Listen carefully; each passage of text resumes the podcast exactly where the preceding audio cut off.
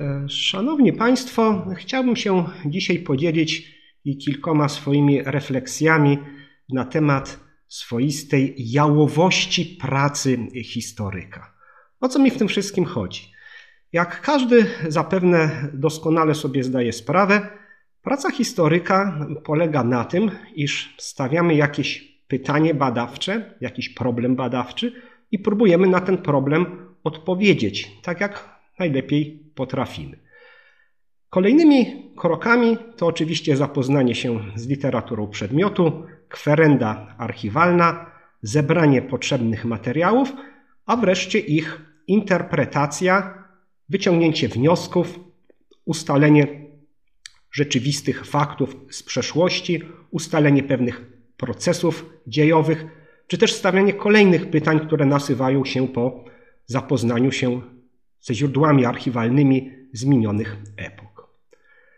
Ale tak naprawdę ostatecznym rezultatem jest publikacja naukowa. Publikacja naukowa, której najczęściej nikt nie czyta poza recenzentami i kilkunastoma, kilkudziesięcioma zainteresowanymi osobami. W rezultacie nasze dokonania naukowe są rozpowszechniane najczęściej nie za pomocą publikacji naukowych, a za pomocą tekstów popularnych, popularyzatorskich, popularno-naukowych, zamieszczonych w najrozmaitszych czasopismach, w książkach popularno-naukowych, a poprawnie najczęściej w internecie, na różnych portalach, różnych stronach i wreszcie w najważniejszym chyba w czasach obecnych źródle informacyjnym dla szerszego grona publiczności, to znaczy w nieszczęsnej Wikipedii. W związku z tym my sobie pracujemy w archiwach, bibliotekach, publikujemy, a osoby zainteresowane historią, niefachowcy, najczęściej dowiadują się o problemach, którymi się zajmujemy z najrozmaitszych portali internetowych czy z Wikipedii, a kto i na jakich zasadach umieszcza tam rezultaty naszych badań czy też problemy, którymi się zajmowaliśmy, to już jest sprawa całkowicie inna. Ja wszystkim zawsze, wszystkich zawsze zachęcałem do lektury Wikipedii, także po to, żeby wynajdywać błędy, które się tam znajdują. Błędy, nieścisłości, najrozmaitsze tezy absurdalne, które sąsiadują z bardzo poważnymi wnioskami wynikającymi z lektury poważnych artykułów naukowych. Oczywiście, jako historyk XIX wieku, to przede wszystkim szeroko rozumiane XIX stulecie interesowało mnie najbardziej. I tutaj chciałem się podzielić z Państwem kilkoma takimi uwagami, wskazując na różne nieścisłości, błędy, uproszczenia, które figurują w najrozmaitszych tekstach i mają się znakomicie, pomimo tego, że historycy od dziesięcioleci, w niektórych przypadkach od stulecia, piszą na ten temat coś całkowicie innego. Wydawałoby się nic prostszego jak sięgnąć do tych prac, z których wiele wychodziło w stosunkowo wysokim nakładzie. Rozpocznijmy od takiego problemu. Polska pod zaborami lata 1815-1830, właściwie 31. Królestwo Polskie, tak zwane Królestwo Kongresowe. Państwo połączone Unią personalną z Rosją i połączone z Rosją poprzez swoją konstytucję, jak mówiły o tym zapisy podjęte na Kongresie Wiedeńskim w 1815 roku. Państwo posiadające swój rząd, swoje ustawodawstwo, swoją konstytucję, swój Sejm, swoją siłę zbrojną, swój budżet, posiadające własne obywatelstwo, obywatelstwo Królestwa Polskiego, a nie Rosji.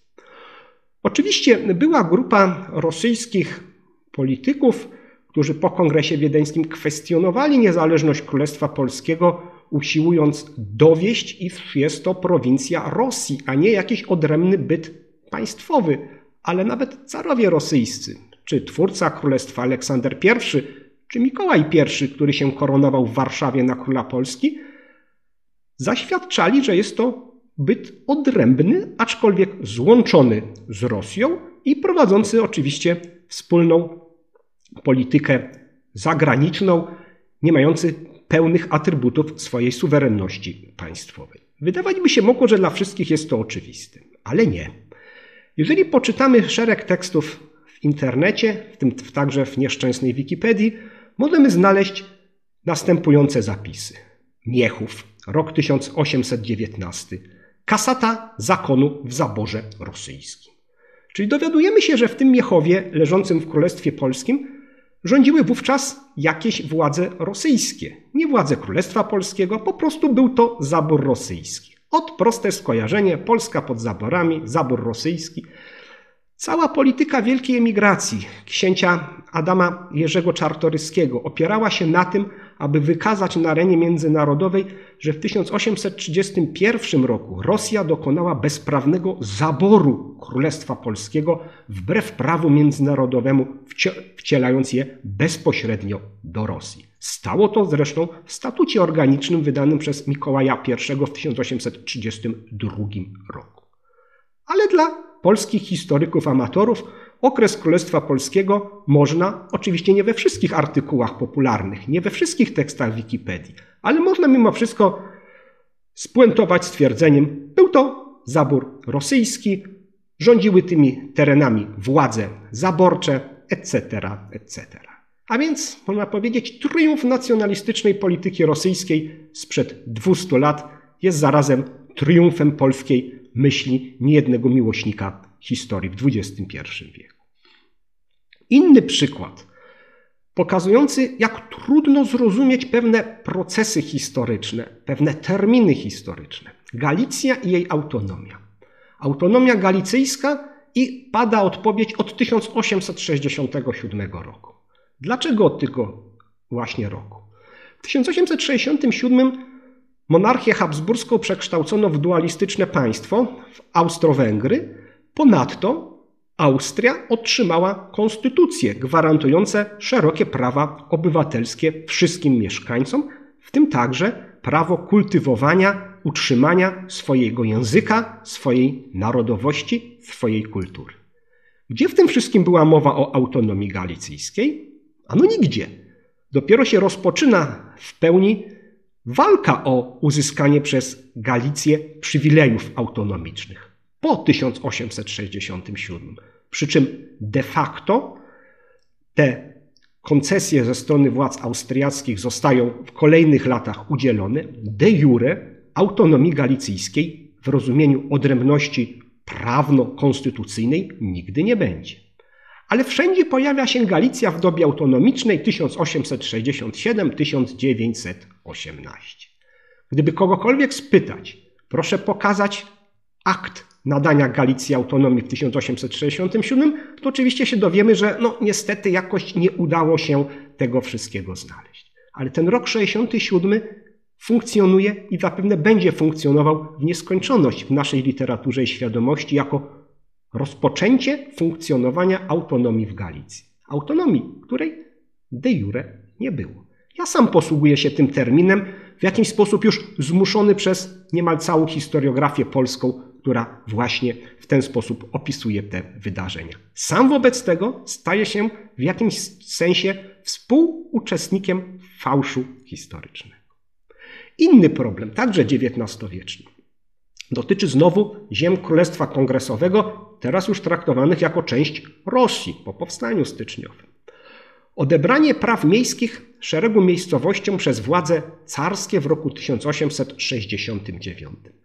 Możemy bardzo często spotkać następujący passus. Represja za udział w powstaniu styczniowym.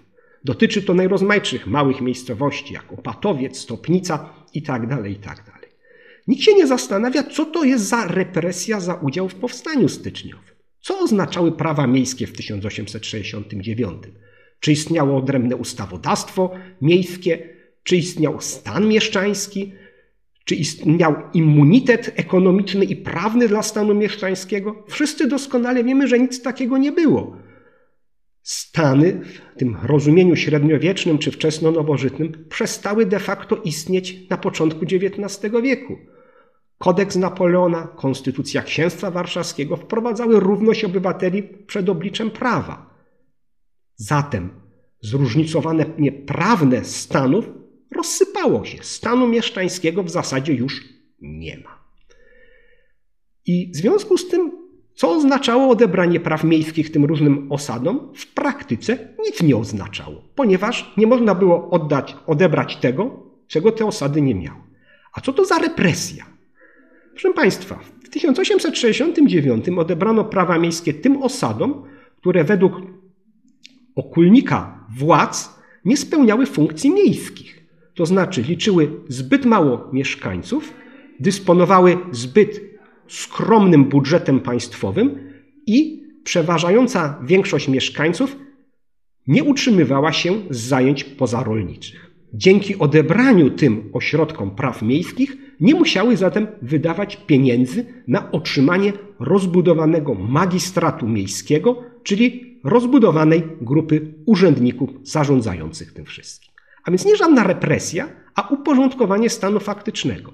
W 1934 roku analogiczną akcję podjęły władze polskie na ziemiach byłego zaboru austriackiego, odbierając prawa miejskie różnym małym ośrodkom miejskim niespełniającym kryteriów miejskości. I nikt wówczas nie twierdził, że to represja za to, że to miasto czy jego ludność nie wzięła udziału w legionach Piłsudskiego, mieszkańcy nie brali udziału w wojnie polsko-bolszewickiej czy w jakimś innym ważnym wydarzeniu państwowym. Odebrano prawa miejskie różnym ośrodkiem bez znaczenia i tyle. Tym większym kuriozum jest fakt, że w ostatnich latach, na przykład w 2018 roku, władze tych ośrodków z byłego zaboru rosyjskiego wnioskowały wielokrotnie o nadanie ponowne praw miejskich, posiłkując się argumentem całkowicie fałszywym, że jest to zadośćuczynienie, akt sprawiedliwości dziejowej. Co zaborca odebrał za udział w powstaniu styczniowym, to teraz władza niepodległego państwa polskiego ma zwrócić. Nikt oczywiście nie zastanawiał się, czy chociaż jeden mieszkaniec tego malutkiego miasteczka wziął kiedykolwiek udział w jakimkolwiek e, powstaniu. I oczywiście to, co budzi zawsze wielkie, czasami największe e, kontrowersje, kwestie militarne. Tutaj, proszę Państwa, fałszowali zawsze. Wszyscy, we wszystkich epokach, we wszystkich strefach cywilizacyjnych, od czasów antycznych po dzień dzisiejszy. Zatem Polacy tutaj nie będą żadnym fenomenem ani na skalę europejską, ani na skalę światową. Fałszowanie, jeżeli chodzi o siły własnej siły przeciwnika, straty własnej straty przeciwnika, rezultaty poszczególnych bitew czy kampanii militarnych. Ja chciałem tylko zwrócić uwagę na kilka takich, bardzo się zresztą różniących operacji, bitew czy potyczek. Jako punkt wyjścia możemy wziąć zupełnie drugorzędną potyczkę pod Chodowem w 1694 roku, o której to z Wikipedii możemy się dowiedzieć, że 400 Polaków zwycięsko stawiło opór i pokonało 40 tysięcy Tatarów. Proszę Państwa, sam szacunek 400 do 40 tysięcy, no znakomity do jakiejś gry komputerowej czy jakiegoś komiksu, na pierwszy rzut oka już widzimy, że jest to kompletna bzdura. Tą bzdurę zamieścił Sobieski w swoim liście, pisząc, ile to Tatarów udało się wojskom polskim odeprzeć. To, że Hanat Krymski nie był w stanie wystawić łącznie więcej niż 10 tysięcy wojowników w tym czasie, nie miało oczywiście najmniejszego znaczenia. To, że to był jakiś czambuł, który się natknął na niewielką grupę Polaków, także nie miało najmniejszego znaczenia. Sobieski tworzył pewną propagandę polityczną, której zadaniem pokazanie było wkła wielkość wkładu polskiego w wojnę Świętej Ligi z Turcją i jej wasalem Hanatem Krymskim. Sobieski mógł sobie tak dla celów polityczno-propagandowych pisać, inna rzecz, że prawdopodobnie tak mu nikt w to nie wierzył, ale czemu po kilkuset latach znajdują się ludzie, którzy biorą to za dobrą monetę, tego nie jestem w stanie kompletnie zrozumieć. Ostatecznie, jeżeli źródła starożytne podawały, że Aleksander Wielki zwyciężał milionowe armie perskie, to dzisiaj największy laik w historii będzie się z tego śmiał. A tu nie. 400 Polaków pokonuje 40 tysięcy Tatarów. Gdzie tu sens, gdzie logika? Mamy także inne bitwy, które na pierwszy rzut oka nie powinny budzić takich kontrowersji. Na przykład bitwa pod Dubienką w 1792 stoczona przez Tadeusza Kościuszkę, Kościuszko oczywiście wystosował po bitwie stosowne raporty. Te raporty też starano się rozpropagować, pokazując starcie, które się zakończyło porażką. No, w jakiś tam mimo wszystko sukces, przynajmniej sukces materiałowy, czego dowodem miało być mniej więcej zapisanie to, że w bitwie zginęło czy zostało rannych 4000 Rosjan. Proszę Państwa, 4000 Rosjan w kilkugodzinnej bitwie przecież byłaby to rzeź nieprawdopodobna. Tymczasem przecież Rosjanie tę bitwę wygrali, Polacy się wycofali. A jeżeli skreślimy jedno zero, to będziemy już bliższy, bliżsi danym rosyjskim, mówiącym o kilkuset, około 400 poległych, rannych, zaginionych w tym starciu. Niby tylko jedno zero. Pod Chodowem należałoby tych zer skreślić dwa co najmniej, pod Dubienką jedno. Ale czemu ktoś nam serwuje takie kompletnie nieprawdziwe, nieuprawnione dane? Kolejny przykład. Raszyn. Raszyn, który jest jedną z najbardziej zmitologizowanych bitew polskich XIX wieku, stoczona na potyczka w 1809 między wojskami polskimi i austriackimi. Potocznym odbiorze jest to sukces, sukces obronny, no może nie jakieś wielkie zwycięstwo. Bitwa zakończyła się porażką. Porażką pod względem taktycznym, porażką pod względem operacyjnym. Austriacy zadali większe straty Polakom niż Polacy Austriakom. Oczywiście dla celów propagandowych już w 1809 roku głoszono, że jest to nieco inaczej, ale dlaczego, ma, dlaczego mamy to wierzyć? Cała bitwa została znakomicie opisana w okresie międzywojennym. W 1935 roku w monografii wydanej przez profesora Pawłowskiego na podstawie źródeł austriackich i polskich oczywiście ustalił on co do jednej osoby liczbę poległych, rannych, zaginionych jeńców tak ze strony polskiej, jak i ze strony austriackiej. A to nie ma najmniejszego znaczenia. Takich prac, mimo że wznawianych, nikt nie czyta tak naprawdę. Czyta się dalej jakiś, za przeproszeniem, bełkot XIX-wieczny, raport po bitwie wystosowany do króla saskiego, który miał przedstawić wielki sukces Polski. I o tym sukcesie wszyscy w związku z tym wiedzą, o faktycznym przebiegu bitwy nie. Ale za to w tymże samym 1809 roku w powszechnej świadomości nie istnieją najrozmaitsze sukcesy wojsk polskich nad armią austriacką, pod Górą Kalwarią, pod Jarosławiem, jakoś zostały wyparte ze świadomości. Dlaczego zatem lansuje się de facto porażkę, a zapomina o sukcesach w tej samej wojnie z tym samym przeciwnikiem? Nie sposób na to pytanie w sposób rozsądny odpowiedzieć. I oczywiście to wszystko dotyczy także i kolejnych kampanii, bitew, starć, aż do II wojny światowej włącznie. E, My sobie często nie zdajemy sprawy, jak bardzo zakłamany jest obraz II wojny światowej w polskich przekazach. I nie chodzi mi tu o stosunek do władz okupacyjnych, tak niemieckich, jak i y, sowieckich, do sytuacji ludności cywilnej, ale do samych starć, do samych walk, na temat których opracowano już nie jedną, a kilka bibliotek po prostu. Same szacunki strat, chociażby niemieckich z 1939 roku, często absurdalnie wysokie, podczas gdy Niemcy byli w stanie ustalić, a często i opublikować to, co im Polacy zniszczyli, to jakich im Polacy zadali strat. Chociażby w takich potyczkach jak pod Wysoką Jordanowem, jak nad rzeką Mokrą. Wszystko jest w gruncie rzeczy opisane. Wystarczy sięgnąć do publikacji niemieckich, nawet nie do źródeł rękopiśmiennych. Ale jak się nikomu nie chce sięgnąć, no to sięga do polskich wspomnień, gdzie znowu do tych strat zadanych przeciwnikowi dopisuje się zwykle jedno zero i to wszystko wygląda o wiele wspanialej, o wiele lepiej.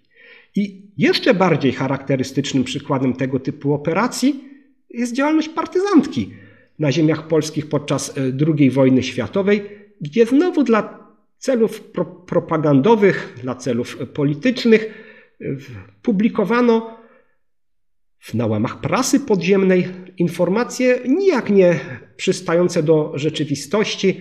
Tam, gdzie w potyczce zginęło trzech Niemców, a dwunastu zostało rannych, pisano, że tych Niemców zginęło i zostało rannych 300 lub 400 i tak dalej, i tak dalej. Zachowane to są nawet do dnia dzisiejszego źródła niemieckie mówiące o ich stratach do połowy 1944 roku, bez powstania warszawskiego oczywiście, co do jednej osoby. Straty, które według y, danych niemieckich miały być im zadane przez partyzantkę, przez ruch oporu y, na ziemiach polskich. Dane te są znane od dziesięcioleci, ale nie przeszkadzają nadal w tworzeniu mitologii o gigantycznej skali strat, jakich, jakie mogły zadać oddziały partyzanckie przeciwnikowi. A przecież jeżeli z drugiej strony popatrzymy na to w sposób trzeźwy, trzeźwy ludzie w lesie dysponujący znikomą ilością broni, znikomą ilością amunicji, często prawie w ogóle nie przeszkoleni, szczególnie w strzelaniu, w walkach, w walkach zaskoczenia, no, podejmują walkę często z doborowymi oddziałami specjalnie używanymi do akcji antypartyzanckich. Wiadomo, że ci ludzie nie mają wielkich szans na odniesienie jakiegokolwiek sukcesu. Sukcesem jest przetrwanie w takich warunkach w, tych, w tym lesie. Wyjście z obławy, wyjście z jakiegoś okrążenia, utrzymanie zwartości oddziału to jest sukces, a nie jakaś rzekomo zwycięska bitwa, która się rozegrała na tym czy na innym obszarze. Proszę Państwa, jałowość, pewna jałowość pracy historyka, gdyż tak naprawdę te wszystkie wydarzenia są nam znane, są opracowane, ale do świadomości szerokiej, do świadomości publicznej przedostają się za pomocą środków popularno-naukowych, gdzie fakt, że jakiś oddział wyszedł z okrążenia albo że zadał w XVIII czy, 30, czy XIX wieku straty sięgające paruset osób w najsłynniejszej bitwie kampanii, no jakoś wydaje się nie przystawać do naszej dumy narodowej. Ale cóż to za duma, skoro jedna z najsłynniejszych bitew w dziejach świata, przynajmniej w dziejach Europy, bitwa pod Walmi, rozegrana w 1792 roku między Francuzami a armią pruską, bitwa, która uratowała rewolucyjną Francję, w której wzięło udział po obydwu stronach łącznie ponad 100 tysięcy żołnierzy, podczas której wyszczelono ponad milion pocisków karabinowych. Przyniosła obydwu stronom po całym dniu walk straty wynoszące łącznie około 100 zabitych i rannych. Milion wystrzelonych pocisków przez żołnierzy zawodowych przez cały dzień i 100 zabitych i rannych, a strzelano z odległości kilkuset metrów. I proszę Państwa, to jest jakaś odpowiedź i nikt we Francji nie będzie twierdził, przynajmniej dzisiaj, że ta bitwa zakończyła się nieprawdopodobnym pogromem przeciwnika. Nie. Skończyła się tak, jak się powinna skończyć. Odparciem. A to, że zadano straty znikome, wręcz żenująco niskie, to już jest sprawa zupełnie inna. Więc kończąc to moje może nieco monotematyczne e, wystąpienie, chciałbym zwrócić uwagę na jeden bardzo ważny fakt. Nie wierzcie Państwo, a przynajmniej nie wierzcie do końca materiałom popularno-naukowym.